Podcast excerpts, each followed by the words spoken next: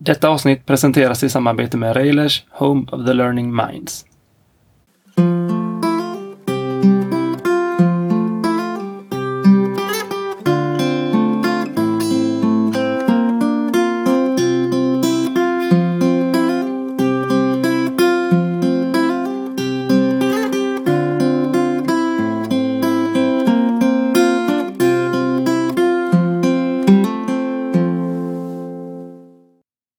Och välkomna till Solcellspodden avsnitt 26. Yes, nu är vi igång igen. Ja, hur känns det? Det känns bra och det Ja. var ju ett tag sedan som vi gjorde en sån här typ av podd där vi Ja. två sitter och pratar bara med varandra och inte har någon annan inbjuden och inte ute på något eh, någon annanstans Nej. så att säga. Det känns bra. Riktigt bra. Ja. Och eh, det, det har ju hänt rätt mycket sen, egentligen sen senaste podden. Eh, vi sitter just nu under samma tak. Både eh, så här, yrkesmässigt och rent bokstavligt visserligen. Det brukar vi göra. Ja, det brukar Ja. vi göra när vi spelar in podd. Ja. Men eh, yrkesmässigt också under Mm. samma tak. Eh, du har börjat på Railers. Jajamän, jag Ja. har börjat på Railers. Nu eh, är vi två solcellsnördar i ett kontor Ja. kan man säga. Väldigt spännande. ja, det är så himla roligt. Och nu jobbar vi båda två som solcellskonsulter och eh, filurar på solcellerna dagarna i ände och då tänkte vi att eh, det är klart att vi ska podda och komma igång med podden ordentligt också. Ja. Så vi, eh, vi eh, har nu börjat, vi, vi kör poddarna lite i samarbete med Railers helt enkelt. Det känns ju naturligt på något sätt att det, det ska vara, vi, vi, vi är under ett, ett och samma tak och det är ju här vi spenderar vår tid så varför skulle inte Railers vara med på båten liksom? Precis, precis. Vad jobbar vi med då? Ja du, nu är det ju solceller för hela slanten skulle jag säga. Mm. Solceller. Du kör ju lite blandat och jag kör lite blandat ibland men det, jag skulle hur mycket, nästan. Du menar el, Ja, elinstallation kontra solceller? Ja, precis. Ja, jag, jag kör ju rätt mycket elbesiktningar och så. Just det. Eh, och de har ju inte alltid solceller med sig. Men eh, annars så är det mestadels, det har varit mestadels solceller sedan du började i alla fall. Precis. Nej, jag har nästan uteslutande kört solcellsrelaterade Mm. jobb med allt vad det kan vara. Förstudier och projekteringar och förfrågningsunderlag och Besiktningar. allt. Besiktningar också. Mm. Precis. Besiktiga en solcellspark. Det var lite kul. Första Ja. gången som vi båda egentligen, eh, ja, du hade inte besiktat en solcellspark tidigare. Nej, inte markanläggning så på det sättet. Nej. Så det var ju görspännande i Skövde. Precis. En halv megawatt. Med kraftstation och styrsystem och rubbet där. Det, Mm. var, ju- nej, det var kul. Riktigt spännande. Ja. Väldigt bra väder hade vi också, Ja. ja. tur var. Så det var gött att gå runt och kolla läget, hur det stod till med solcellerna och så lyste solen. Så det var en sån perfekt kombo. Eh, vi har ju hållit på och poddat lite till och från sedan 2014. Jag, såg, jag kollade på vår hemsida, där står det maj 2014. Mm. Eh, någonstans där, första avsnittet. Kan stämma kanske. Det kan nog stämma väldigt Ja. bra, tror jag. Eh, sen började ju jag jobba på Railers 2015 i september. Mm. Eh, och innan dess hade vi gjort en eh, rätt mycket avsnitt. Och vi har släppt rätt glest efter det nästan. Ja. skulle jag säga.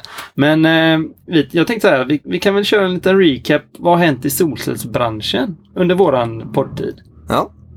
Saker som vi kanske delvis har tagit upp någon gång ibland men att det ändå är mer eh, kanske jämföra då och nu. Ja. Då. 2014.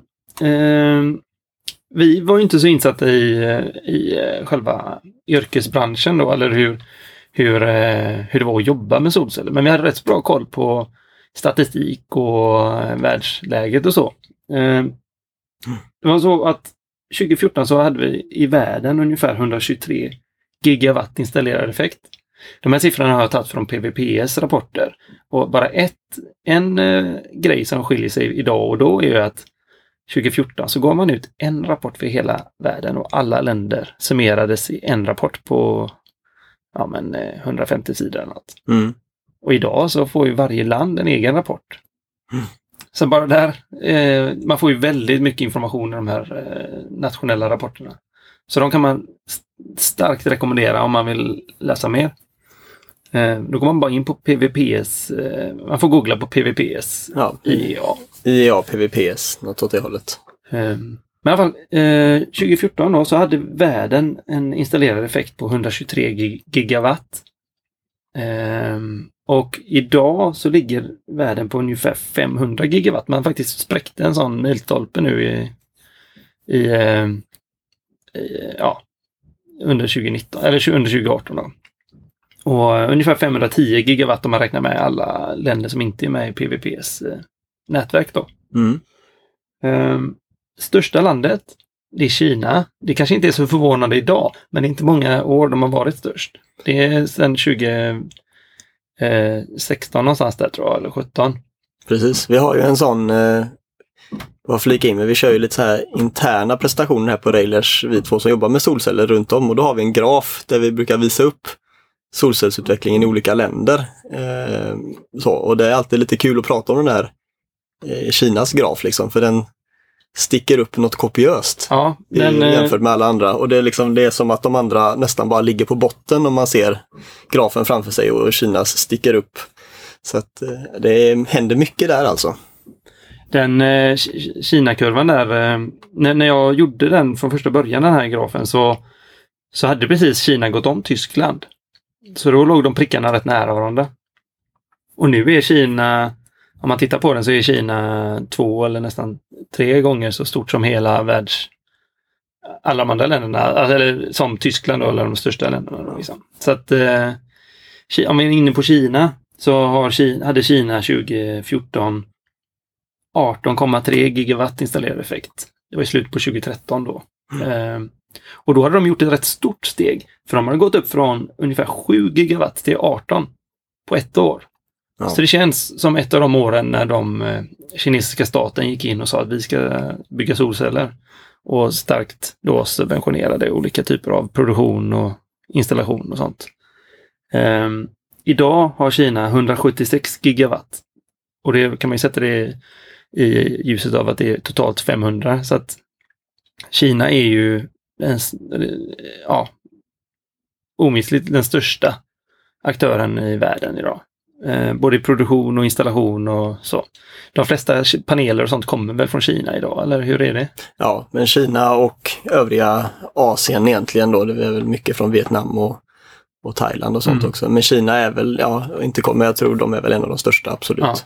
Och eh, om vi är inne på det här med Kinaspåret där så eh, man tog ju bort tullar på kinesiska paneler nu i förra året var det. Vi pratade nog om det i podden med Johan Lindahl. Va? Just det. Ehm, och det har ju påverkat eh, på så sätt att kinesiska moduler blir billigare helt enkelt att köpa in. Eh, och det påverkar ju hela världsmarknadspriset på solceller. Så man räknade med att de skulle världspriset eller kinesiska priset på kinesiska moduler skulle gå ner med en 20 procent någonting. Bara av att ta bort tullarna. Ja, eller precis alla moduler, Ja. alltså generellt att det skulle gå ner med ungefär det på grund av att eh, om de kommer in på marknaden så sänker de priset generellt på, på allt så att säga. Mm. I den. Ja. Ehm, om vi kollar på lilla Sverige då. Då hade vi 2014 så hade vi en installerad effekt på ungefär 70 megawatt. Ehm, och svenska installationen har ju sett ungefär likadan ut som om man kollar på kurvorna så ser ju, växer ju den ungefär lika snabbt som, som eh, världs, eh, installa, världens eh, installerade tillväxttakten tänker är Tillväxttakten, ungefär ja, samma. Ja. Mm. Ehm, och idag har Sverige eh, 411 megawatt, vad vi såg i alla fall på SCBs statistik. Just det, och det är en sån grej som är kul också, att det kanske jag sagt förut någon gång också, men att SCB överhuvudtaget har statistik. Eh, Så var det inte för bara något, något en eller två år sedan. Eh, Så att ja, det är Mm. bra att det har kommit också. Den är rätt smidig den SCBs hemsida att klicka fram eh, statistiken på. Jag vet inte hur ofta den uppdateras men, men man kan välja så här i, efter olika län och totalt installerat i, i riket och om man vill ha i, i eh, installerade antal anläggningar eller kilowatt och så. Mm. Så att eh, där kan man gå in och titta. Ja, så det, ja, det händer mycket och det är ju det här som gör att eh, vi börjar nå det som man brukar kalla break-even runt om i, i världen nu liksom med att solcellerna, det kan, jag kan spinna på på det temat för jag Mm. såg faktiskt just en bild kan man säga, eller en graf som visade eh, hur det låg till i USA med eh, en, priserna på energi, olika energislag, olika produktionsslag då. Eh, och då visade det sig att nu, nu är det vindkraft är det som är billigast per kilowattimme. Men storskalig solkraft, alltså i solcellsparker då, det ligger väldigt, väldigt, väldigt nära. Eh, så att, och inom inte allt för långt så lär det ju vara så att det kommer vara det absolut billigaste energislaget att tillverka per kilowattimme i USA. De eh, sol, eh, storskalig solkraft gick om gaskraft eh, för 2018 såg jag på grafen. Så det, det är rätt intressant Ja. att vi är liksom där. Eh, och det finns ju inte mycket som, som talar för att det inte skulle gå ner och fortsätta bara och gå neråt. För det är liksom det är ju bulkproduktionen som gör det. Och det är liksom skalfördelarna man får i att bygga exakt samma pryl som man bara kan bygga ut ja, hur, hur liten eller stor skala som helst Mm, egentligen. Nej, det är så himla roligt att vara i den här branschen och fått vara med på ja, men egentligen en väldigt, eh, en väldigt snabb resa de senaste... Jag menar, vi har ju känt varandra i tio år. Och det är sedan dess vi har snackat solceller egentligen. Mm. Och de här åren har ju varit liksom den stora uppstarten för solceller. Så att, eh, ja, det är görfräckt. Mm. Eh, det är en bransch som man kan, jag kan rekommendera att eh, man drar sig in i. Nörda ner sig Ja. eller åtminstone ge sig in i på ett hörn. För det finns, det finns ju mycket att göra också. Ja. Det är ju en sak som är säker. Om man eh, bara tittar på Sveriges utveckling så, ju, så ser den nästan identisk ut med hur världen har gått. Så, så, eh, en eh, stark tillväxt. Mm. Exponentiell Ja. ökning egentligen Mm. på, på kurvan. Ja, de senaste åren har det varit en 50% i... Ja. Alltså att vi Legat installerar mellan, mellan 50 och 100 procent. Eh, större installationer än vad det var Ja, året innan. då. precis. Ja. precis. Så att... Eh, eh, en intressant grej där som såg i 2014 där var att de hade en liten... En liten... Eh, framtidsspaning på att de sa att 2020 så räknar de med att Sverige skulle producera 2 terawattimmar solel. Mm, mm. Och eh, om man tänker att vi producerar ungefär 1000 kilowattimmar per kilowatt Mm. så sk- skulle vi ju egentligen då nu producera ungefär 4, eh, 0,4 terawattimmar Ja, just det. solel. Så att, att vi på ett och ett halvt år nu då ska gå upp till två, det tycker jag känns... eh, Nej, det, det, var, det, var, det var en... eh, Men å andra sidan så växte den svenska branschen kanske mer på det 2014 än vad det gör nu. Eller så i procentuellt sett då. Liksom. Mm, precis, kanske var. Sen så, nu ska jag spekulera Ja. lite live här. Ja. I att eh, det är klart, det är mycket snack är det ju i Sverige om att solcellsparker är på intåg. Mm. Eh, och då kanske det händer lite grejer. Det, Ja. kanske, det, det är ju svårt att tänka i de tänka i de banorna att det skulle kunna öka så snabbt till 2020. Men när man tänker på att det är 2018 är det detta siffror. Vi har ju hela 2019 också. Eh, Ja. Där siffrorna ska, då har vi kanske en, eh, låt oss säga dubblering. Då är Ja. vi 0,8. Och sen så om det råkar bli en dubblering igen på grund av att vi har massa parker och grejer som kommer in under 2020. Så, eh, ja. Ja, Det vi, det är klart. Får vi, in, får vi in, nu har vi de stora parkerna är 5, 6, 7 megawatt då. Ja, kanske Så- mer än så. Ja, ja men som, som är på liksom eh, intågande just nu i alla fall som man hör runt om. Ja. Eh, alltså Ja, som, så, mm. som liksom är färdiga att byggas då kanske. Som det känns som att det kommer upp just nu. Mm. Men eh, det finns ju ingenting som säger egentligen att det är 20 megawatt eh, parker och sånt skulle kunna börja byggas. Nej, jag hörde något om att det faktiskt är, eh, det var någon, det vet säkert lyssnarna bättre än jag, men att eh, det var någon som hade fått något kontrakt tror jag på en, kan det varit 20 megawatt någonstans? Det är så? 13 eller 20, det är ganska Mm. stort spann, men eh, Ja. jag låter vara osagt. Men eh, det är nog saker som är på gång, Ja. skulle jag helt klart kunna tro. Och då är det ju en helt annan skala helt plötsligt. Ehm, när, när, och det har ju, hänger ihop med den här break-even-punkten lite. Precis. Att eh, när man väl når den så, så finns det ju ingenting som hejdar och då... Det är klart att det...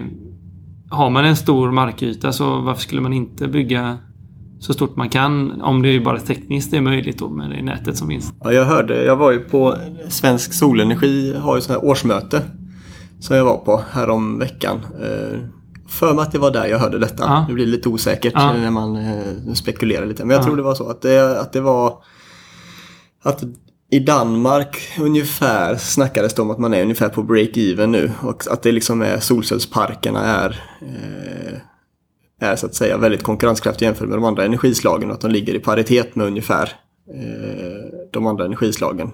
Sverige är vi väl ganska, inte riktigt där men inte så långt borta. Mm. Vi har ju väldigt billig el i Sverige. Mm. Så att, eh, men inte allt för långt borta. Nej. Eh, Och bara senaste nu, det kan vi flika in med, det, elpriserna har ju höjts lite det senaste också.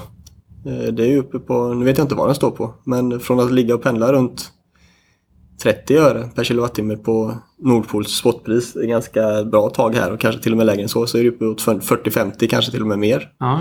nu för tiden. Så att, eh, och det där är ju något som wobblar upp och ner, men eh, eh, ja. Det ligger ju någonstans där och Mm. då är det inte så långt borta. Nej, men då kanske jag får äta upp mina skeptiska ord här sen om ett och ett halvt år när vi är uppe i två terawatt- terawattimmar. Ja, man vet aldrig. Ja, nej. Kanske, kanske. Eh, Ja, men om vi hoppar lite från historik till eh, lite annat emellan och sen så fortsätter vi med lite mer historik Mm. om en stund. Eh, Då är det så att vi har en ny handbok som har släppts. Yes. Och det är ju intressant med handböcker, höll jag på att säga. Det är Just när det har sol solcellshandböcker är det intressant. Och det är det som har släppts. Det är nämligen en handbok från Svensk Elstandard. Det låter ju kanske inte lika spännande som jag tycker att det är. Men den heter Solceller, råd och regler för installation, elinstallationer. Och så är det då med rubrik Solceller. Eh, den kom väldigt nyligen. Eh, Ja. Här om månaden va? Eller Ja, det var lite, lite lite sedan. Ja, Höstas kanske. höstas kanske. Ja. Ja. Ja. Ja. Eh, ja, okej. Ja. Men eh, den är bra i alla fall. Ja, den är ju ny i- Den är ny. våra mått mätt. Precis, sen antal senaste podd så är den ny. eh, och eh, nej men det känns alltid bra när det kommer ut sådana. Det, står, det heter SEK-handbok 457 utgåva 1. Eh, så det är ju första så säga, handboken för solceller som kommer från Svensk Elstandard vad jag vet. Eh, och det är alltid bra med sådana liksom mer legitima källor kan jag tycka. Mm. När man ska, framförallt som konsult när man ska sitta och projektera eller liksom även för gemene man kanske som funderar på vad som är ja, citationstecken rätt och fel. Ja, Eh, men framförallt så är det ju skönt att alla tittar på ett ställe. Precis. Eller så, att man har något som blir normerande. Mm. Och den här eh, har ju gått i olika remissinstanser. Och det, den, eh, egentligen de här SEK-handböckerna eh, kommer väl egentligen ur eh, elinstallationsreglerna som är någonting som vi följer väldigt mycket när vi projekterar och besiktigar och så. Eh, att det, det kommer ur samma... Kommer från SEK båda två. Och det är lite samma, samma texter fast det är mycket fylligare då i de här handböckerna. Mer in på djupet. Mm. Ehm, så att, eh, ja. Ja men det är bra. Jag tänkte jag, jag drar en liten eh, snabb bara så här, eh, vad som, så här om det är något nytt eller inte i den här boken liksom. Så man får en, en bild av det och då är det lite grejer har kommit, har det skrivits om eh, skuggregler. Det tycker jag är bra, alltså Mm. hur man ska placera moduler i förhållande till andra prylar på taket och i förhållande till andra moduler och sånt. Så det kan ju vara bra för eh, vem som egentligen som funderar på solceller och få lite tumregler för hur man ska tänka kring kring skuggning och vad som är ja, rekommenderat bra och vad som är rekommenderat att kanske inte göra då. ja. Och det är också en sån grej som är skönt att när man sitter och projekterar att man vet att ja men nu följer jag det som är gängse praxis här. Precis. Eh, tycker jag är skönt. Att man, man har någonting att luta sig mot. Ja, för att det finns ju liksom, det finns mycket om och men. Man kan tänka på massa sätt och det finns liksom specialvarianter av allt egentligen beroende på hur systemet byggs upp. Men om du har en slags standard att gå på är, eh, är väldigt bra och väldigt förenklande för en solcellskonsult i alla fall också. Eh, sen så har vi ett annat som står där i. Det står eh, bland annat lite mer definierat vad som är liksom Eh, nu är det väldigt nördigt här men jag tänker att vi är ju ändå en solcellspodd så då nördar vi lite. Eh, alltså maximum och minimumtemperaturer när man dimensionerar eh, hur mycket solceller man får ha i varje så att säga sträng som man kallar det på, eh, på solcells eh, i, in i växelriktaren. Det är också en sån sak som eh, ja, när man sitter och håller på med projektering så vill man gärna veta vad är max och mingränserna och vad är liksom rätt och fel där. Då får man nog förklara att eh, effekten du får ut från panelen är temperaturberoende.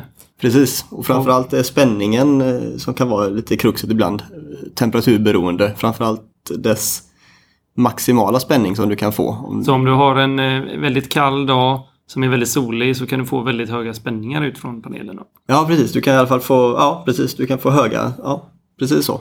Eh, och då finns det också sådana här så kallade maxvärden som man då ska dimensionera efter. Att, eh, och då finns det då att då finns det en maxmängd moduler man kan ha i en, en serie. Eh, eftersom när du lägger solcellsmodul solcellsmoduler i serie så bygger du på spänning. Ungefär som man sätter batteri eh, efter varandra så blir det samma sak med solcellsmoduler. Att du bygger upp du lägger på spänning från varje eh, solcellsmodul och till slut så blir det en väldigt hög spänning.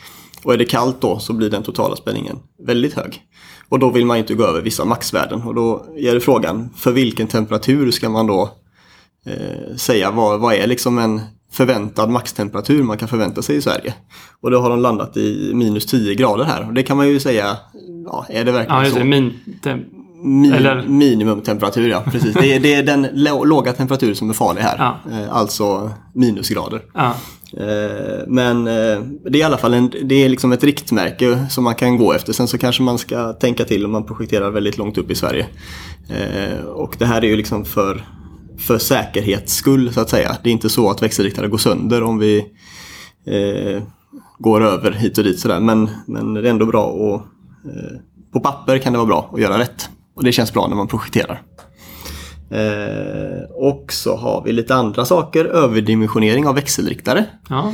Eh, det har ju aldrig varit riktigt tydligt innan att man kan, eh, alltså från någon slags officiell källa, att det är okej att överdimensionera eh, växelriktarna. Alltså man lägger in mer solcellsmoduls DC-effekt då än vad man eh, har på AC-sidan på växelriktaren.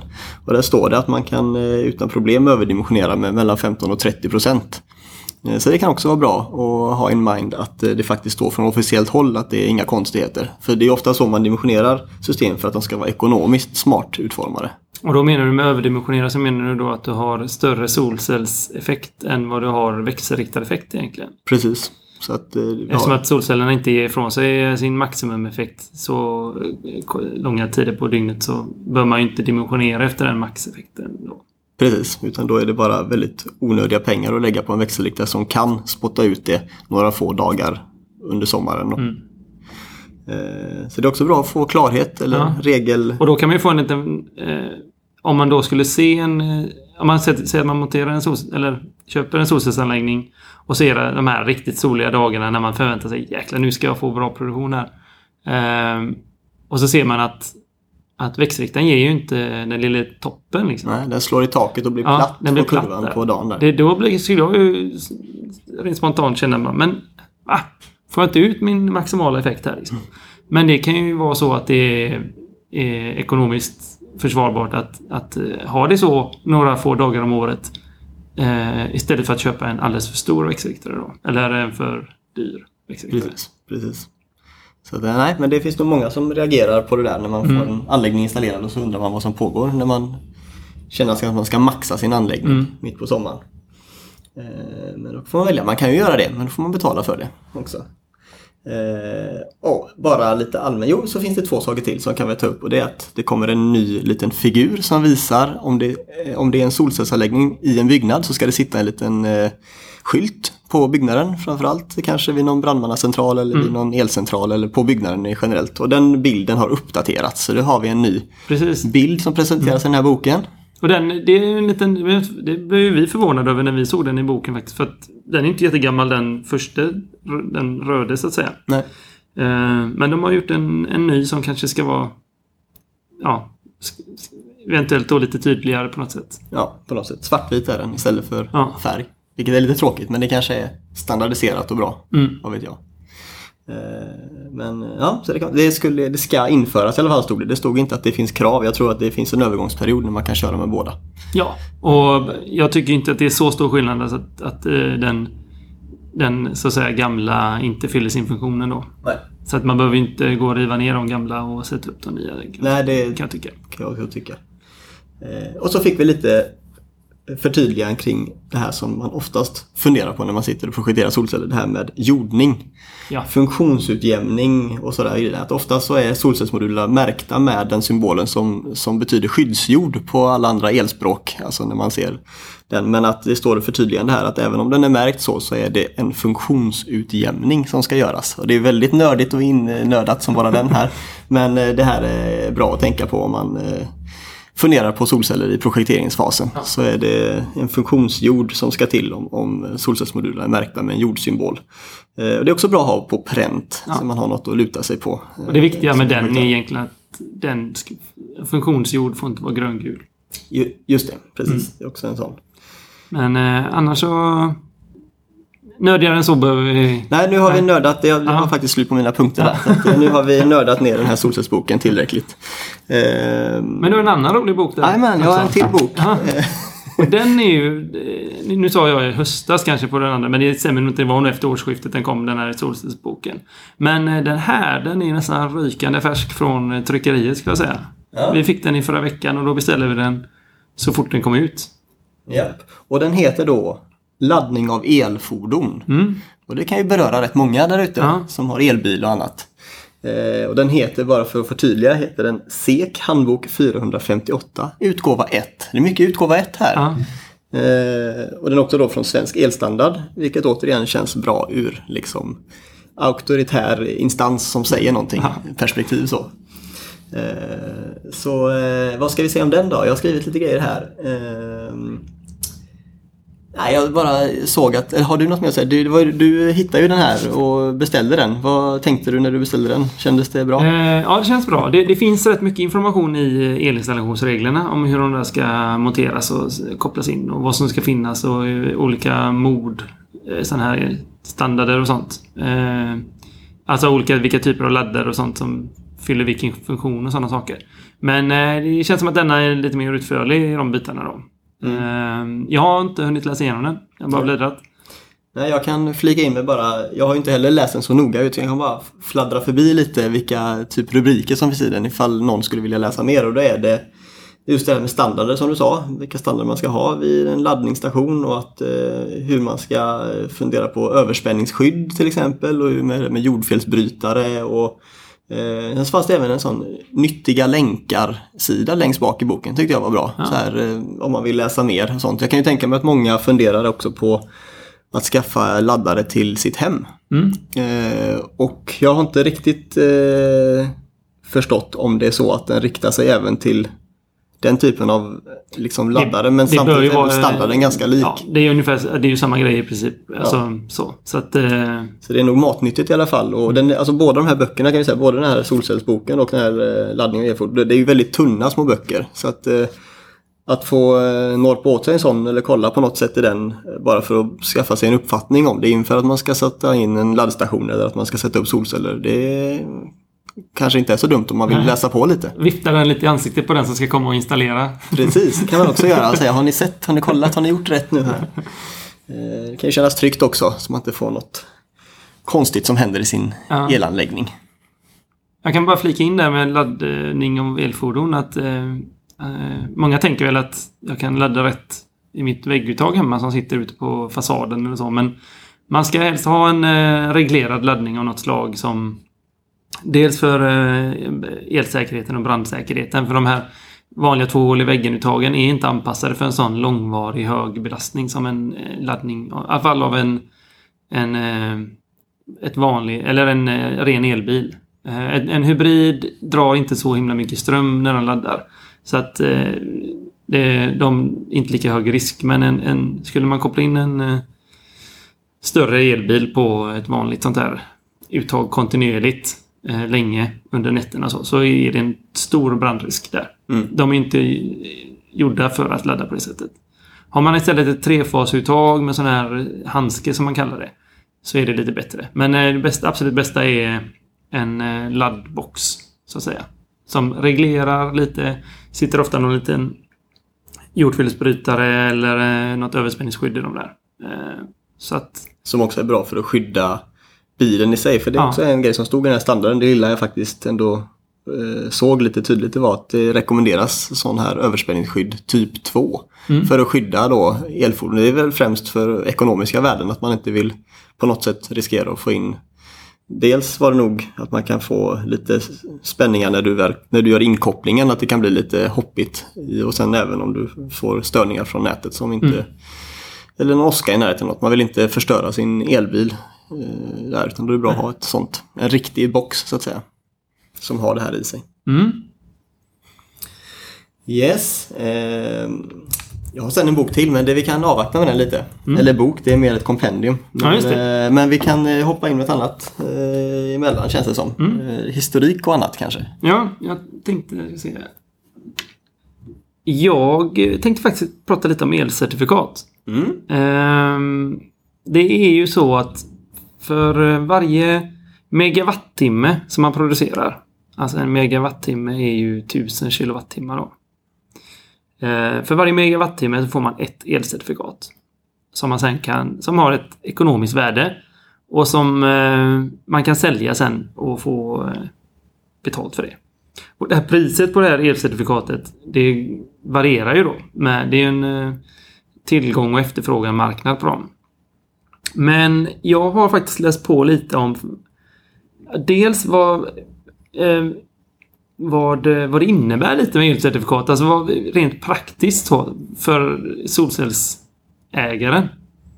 Eh, för det är inte helt uppenbart för alla. Vad, hur funkar det när jag får betalt och vad vad ska jag behöva göra? Är det någon eh, så här?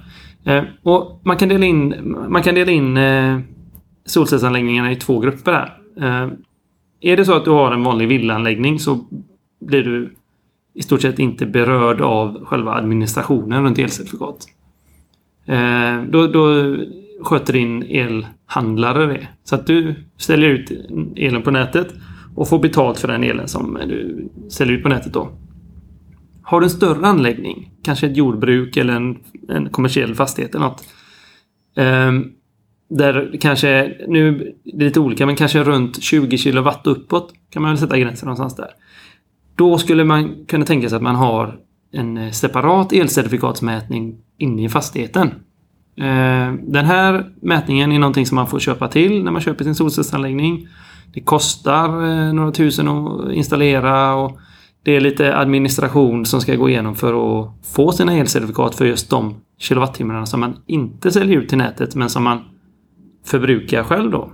Eh, det, man kan säga att då får man betalt, eller då får man elcertifikat för all sin produktion oavsett om man förbrukar den eller säljer den. Just det. Men det får man ju inte då om man är en liten aktör som villägare och, Nej. och den elen som går in i det egna hushållet där då. Det får man inte automatiskt elcertifikat för utan det är bara det som går ut på nätet som man Precis. får elcertifikat för om man, om man så att säga låter, eller om elnätsägaren hanterar det då. Ja. Och eh, Eh, så här långt så har jag liksom inte tänkt, sen, eh, tänkt så mycket mer på själva administrationen kring elcertifikat. Men eh, för ett tag sedan så läste jag på lite och då kom det upp ett eh, någonting som kallas kvotplikt. Och det låter ju som att oj, det där det känns som att något man ska ha koll på. Eh, och det, det står så här att den som är kvotpliktig är skyldig att inneha en viss mängd elcertifikat i förhållande till sin förbrukning eller försäljning av el. Mm, just det. Mm. Så att du är skyldig att inneha en viss mängd av elcertifikat. Kvotplikten plikten deklareras årligen till Energimyndigheten. Och det innebär att om man har en solcellsanläggning, eller du kan ha en eller flera solcellsanläggningar, eh, varav alla är mindre än 50 kilowatt, så är man inte kvotpliktig. Man kan alltså då sälja el och få elcertifikat för den elen utan något krav på att inneha elcertif- elcertifikat. Inneha kvotplikt? Eller? Nej, Inneha alltså du är inte kvotpliktig om anläggningen är mindre än 50 kilowatt. Nej. Om man är producent av solel och har en eller flera anläggningar som är större än 50 kilowatt och, och, väldigt tydligt då, och där egenförbrukningen totalt över dessa är mer än 60 megawattimmar per år. Okej, så att då säg att du har eh, flera solcellsanläggningar. En av dem är större än 50 kilowatt. Då fyller du upp ena villkoret där. Och egenförbrukningen, alltså av den solel som du producerar så förbrukar du en viss mängd. Det är egenförbrukningen. Totalt över dessa anläggningar är mer än 60 megawattimmar. Så att av den solel som du producerar och förbrukar. Eh, om, om det är mer än 60 megawattimmar per år totalt. Då är du kvotpliktig.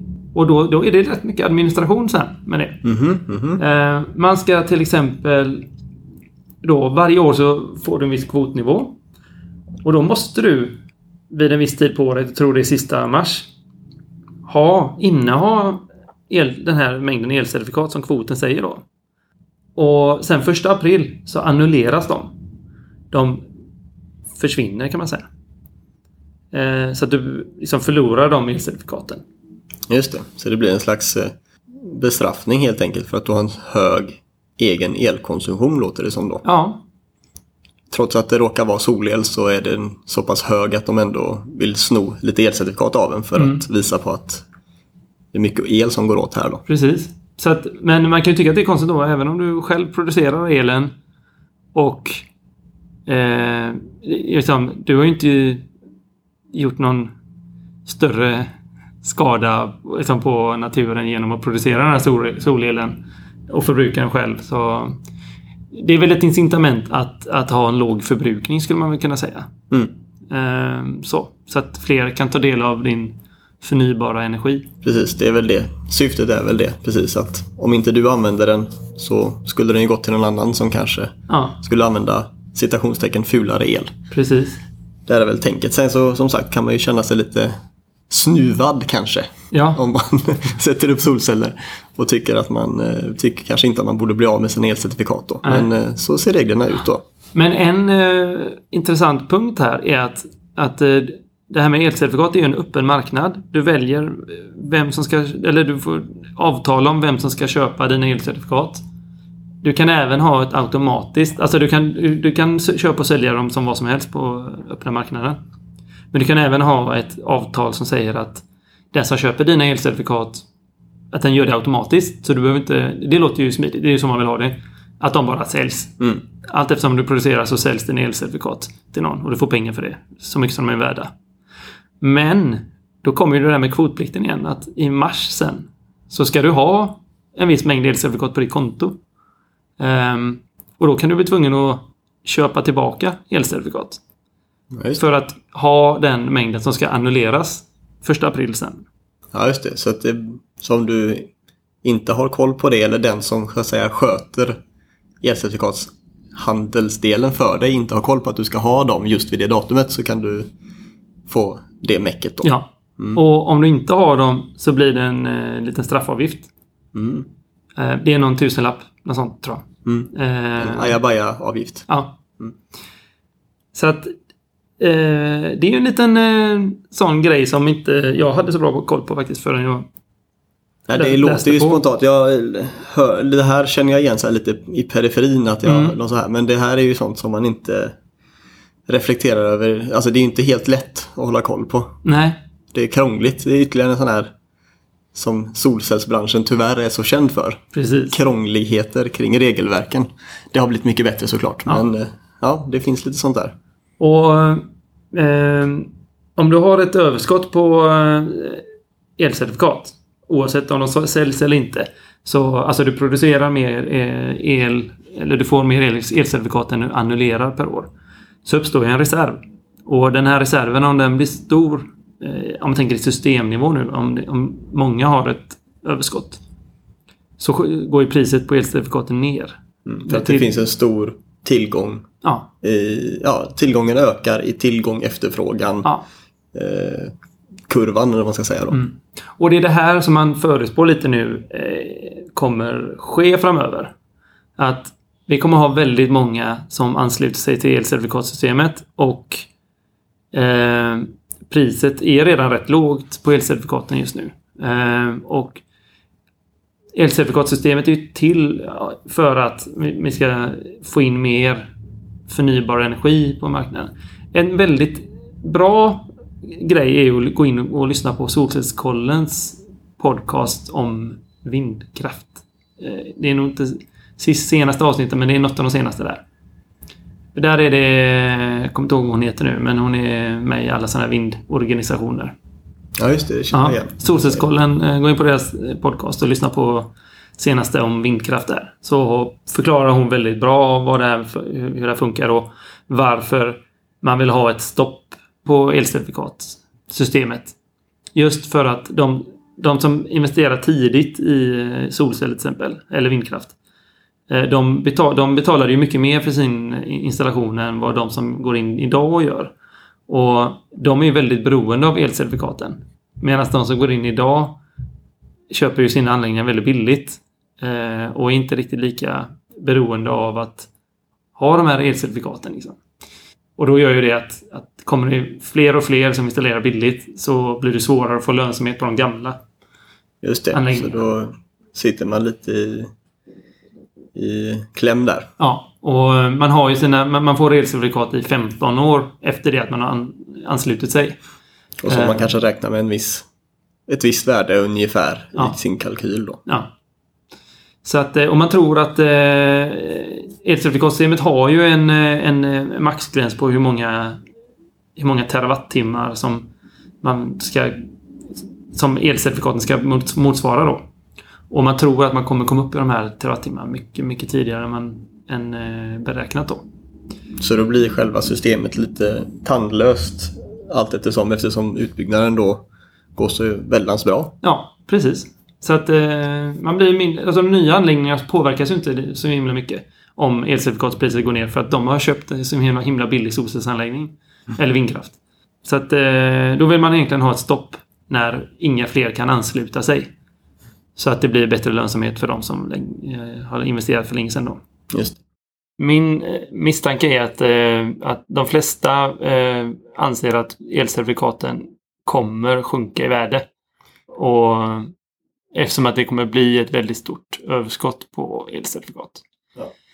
Um, ett, ett litet meck som mm. ligger framöver i det systemet. Då hoppar vi vidare med något mm. annat här. Eh, kan ju bara ta en nyhet som nog de flesta i Solcells-Sverige har koll på tror jag vid det här laget. Men det är ju att stödnivån har ju förändrats nyligen från 30% till privatpersoner och eh, företag till att gå ner till 20% för privatpersoner och företag.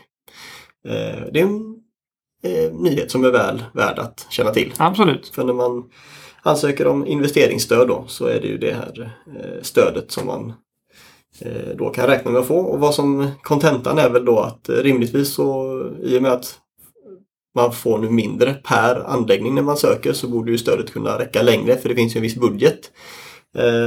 Men ehm, en, på den här Svensk Solenergis årsmöte som jag var på så var det en representant från Länsstyrelsen där. Och hon sa att Eh, man räknar med att de som har sökt stöd fram till slutet av 2018 eh, kommer med stor sannolikhet att få stöd. Så långt räcker budgeten. Sen är det osäkert om de som har sökt stöd efter, alltså från början av 2019 och framåt, faktiskt kommer att få stöd. Eh, För den potten som ligger just nu då. Men sen räknar nog, som jag förstår det, regeringen med att lägga in en ny pott vid nästa budget då. Just det, så att det, det hoppas vi på då och ja. tror väl eh, någorlunda också att det ja, kommer Om det inte blir någon regeringskris eller liknande så har inte jag, kan inte jag se att det inte... Och det, det är fortfarande så här, de, de flesta partierna i riksdagen vill ju få ha ett fortsatt stöd. Um, men eh, det är på olika nivåer då. Mm. Eh, ja. Det som är bra med den nya eh, procentsatsen där är ju att fler får ju ta del av pengarna. Just det, ja. och eh, det blir lite mer marknadsmässiga grunder för solceller generellt. Ja.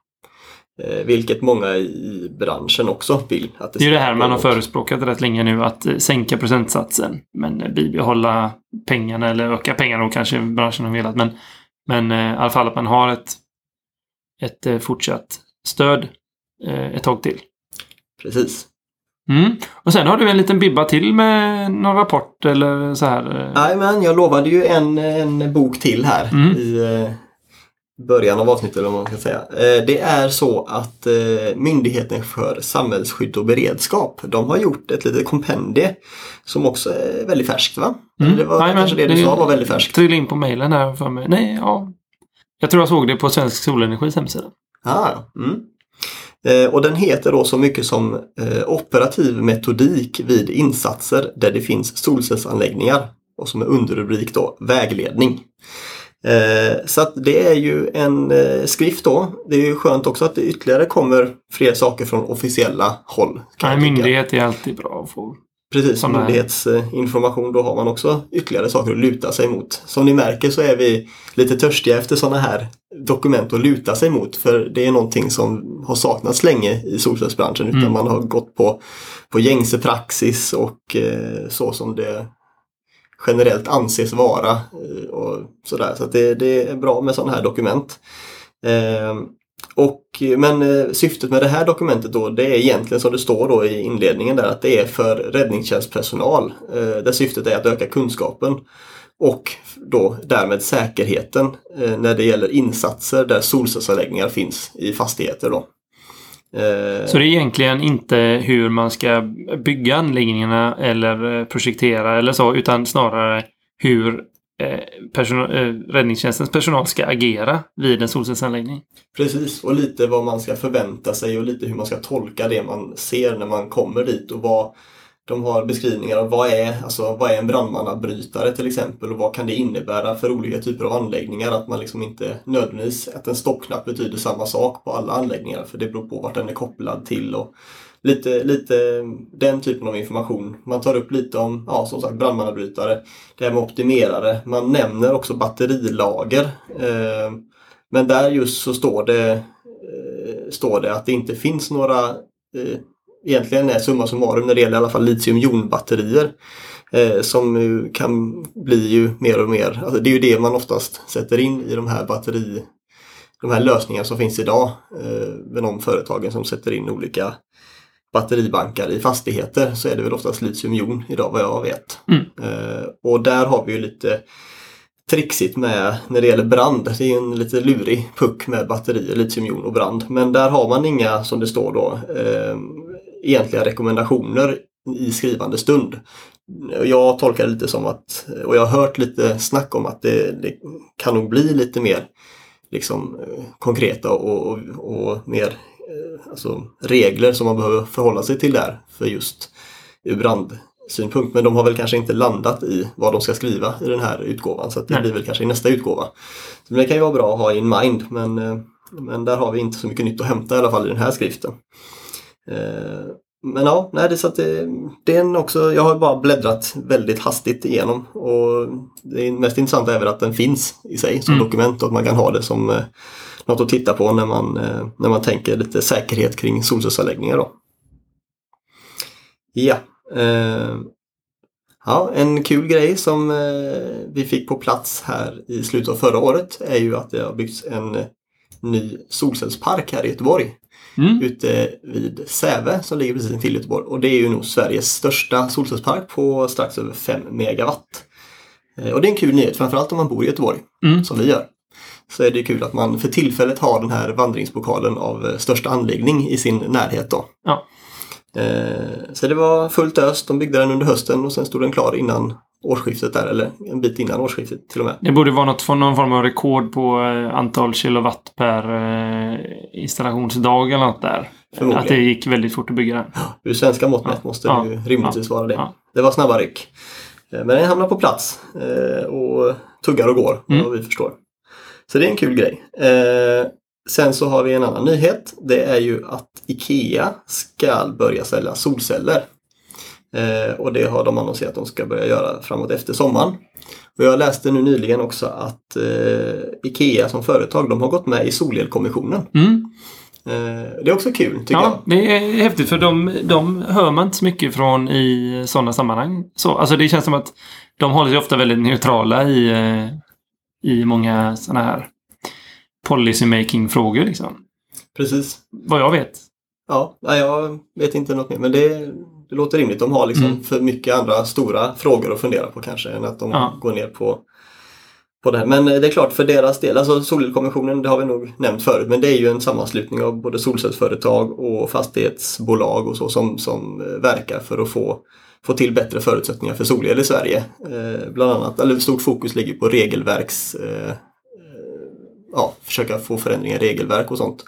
Och jag vet ju att eh, IKEA har ju varit, alltså det har ju varit det som har varit problemet med att inte kunna bygga solceller. Eller de har inte, de har inte sålt och gett sig in i solcellsförsäljningsmarknaden i Sverige eh, tidigare på grund av regelkrångel. De känner att det finns liksom ingen, ingen marknad att gå på, framförallt inte privatmarknad för att det är för mycket krångel.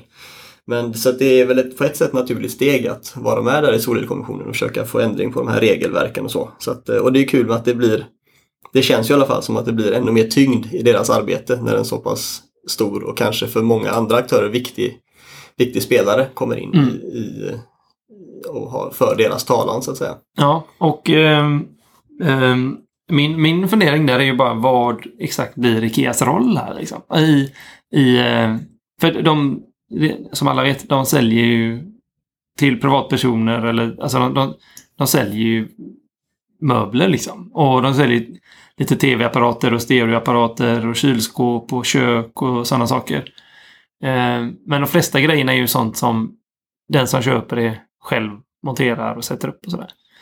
Solcellspaneler är inte meningen att vem som helst ska montera. Eh, utan det kommer ju säkert vara någon form av underleverantör eh, som kommer och installerar och alltihopa där. Eh, men för, ja, syftet med att Ikea gör detta tycker jag är lite svår... svår eh, Ja, hur deras modell kommer se ut Ja. är svårförstått i dagsläget. De har säkert tänkt på något men eh, Det kanske är lite som man ser, alltså som Tesla så, men Tesla har i alla fall, de har ju, de gör ju egna solcellspaneler liksom. De äger ju tillverkning. Och de säljer elbilarna och batterierna. Så att det går rätt så hand i hand att de skulle sälja solcellsanläggningar också då. Eh, även om de kanske också säkert tar in under entreprenörer till det då. Eh, Medan Ikea gör, säljer ju liksom inte de här infrastrukturella grejerna riktigt utan Ja, men det är ju spännande. Det är ju, alltså jag tror att eh, vad Ikea än an, tar sig an så blir ju det något det i hästväg. Ja, precis. Det blir så. stort hur Ja. man än vänder och vrider på det. Sen hur, äh, i, i alla fall i, i en inledningsfas när de ger sig in på det och testar och give it a go så att säga så kommer det ju hända hända mycket säkert. Och det är ju som du säger, det är säkert så att det är någon alltså installatör som kommer hjälpa dem. Alltså som, ungefär som när man köper ett kök så har de ju säkert folk som sätter upp ens kök hemma. Så Mm. det är säkert, säkert samma princip. Ja. Men det är ju lite ett nytt område att eh, bygga en elanläggning än att, att sälja en Ja, det är, möbel. väldigt, det är en väldigt stor skillnad. Det så. Men, men eh, det är... Det mm. kanske inte är så långt borta som man Nej. tror. Det visar sig. Det är väldigt kul i alla fall. Mm. Det är summa summarum att eh, man funderar på hur de ska göra men det är väldigt kul. Ja. Man blir ju lite själv sugen på att gå in och handla en solcellsanläggning på Ikea liksom. Precis, precis. Det känns lite häftigt på något sätt. Nej men vad, Ja. då eh, det var det var ett tag sedan nu men nu Ja, det är var vi det. back Nu- in business lite Ja, det- jajamän, nu är vi varma i kläderna igen. Nej, men det var roligt eh, att få prata loss lite. Och eh, vi finns ju på vår hemsida, på sociala medier, på Facebook och Twitter. Man får gärna mejla oss. Vi har ju som de, de som har skickat något till oss under tiden senaste året här nu har nog märkt att det inte har varit något större gensvar på, på eh, mail och hemsida och sånt och det ber vi om ursäkt för. Eh, men nu är vi som sagt lite back in business på riktigt så att nu ska vi ta tag i och även gå in och göra och svara och Mm. vara aktiva. Eh, vi har lite planer på att vi ska komma igång ordentligt på den biten också. Tack för denna gången. Och Tack ja. återseende. och återhörande. Hej hej! Ha det gött, hej!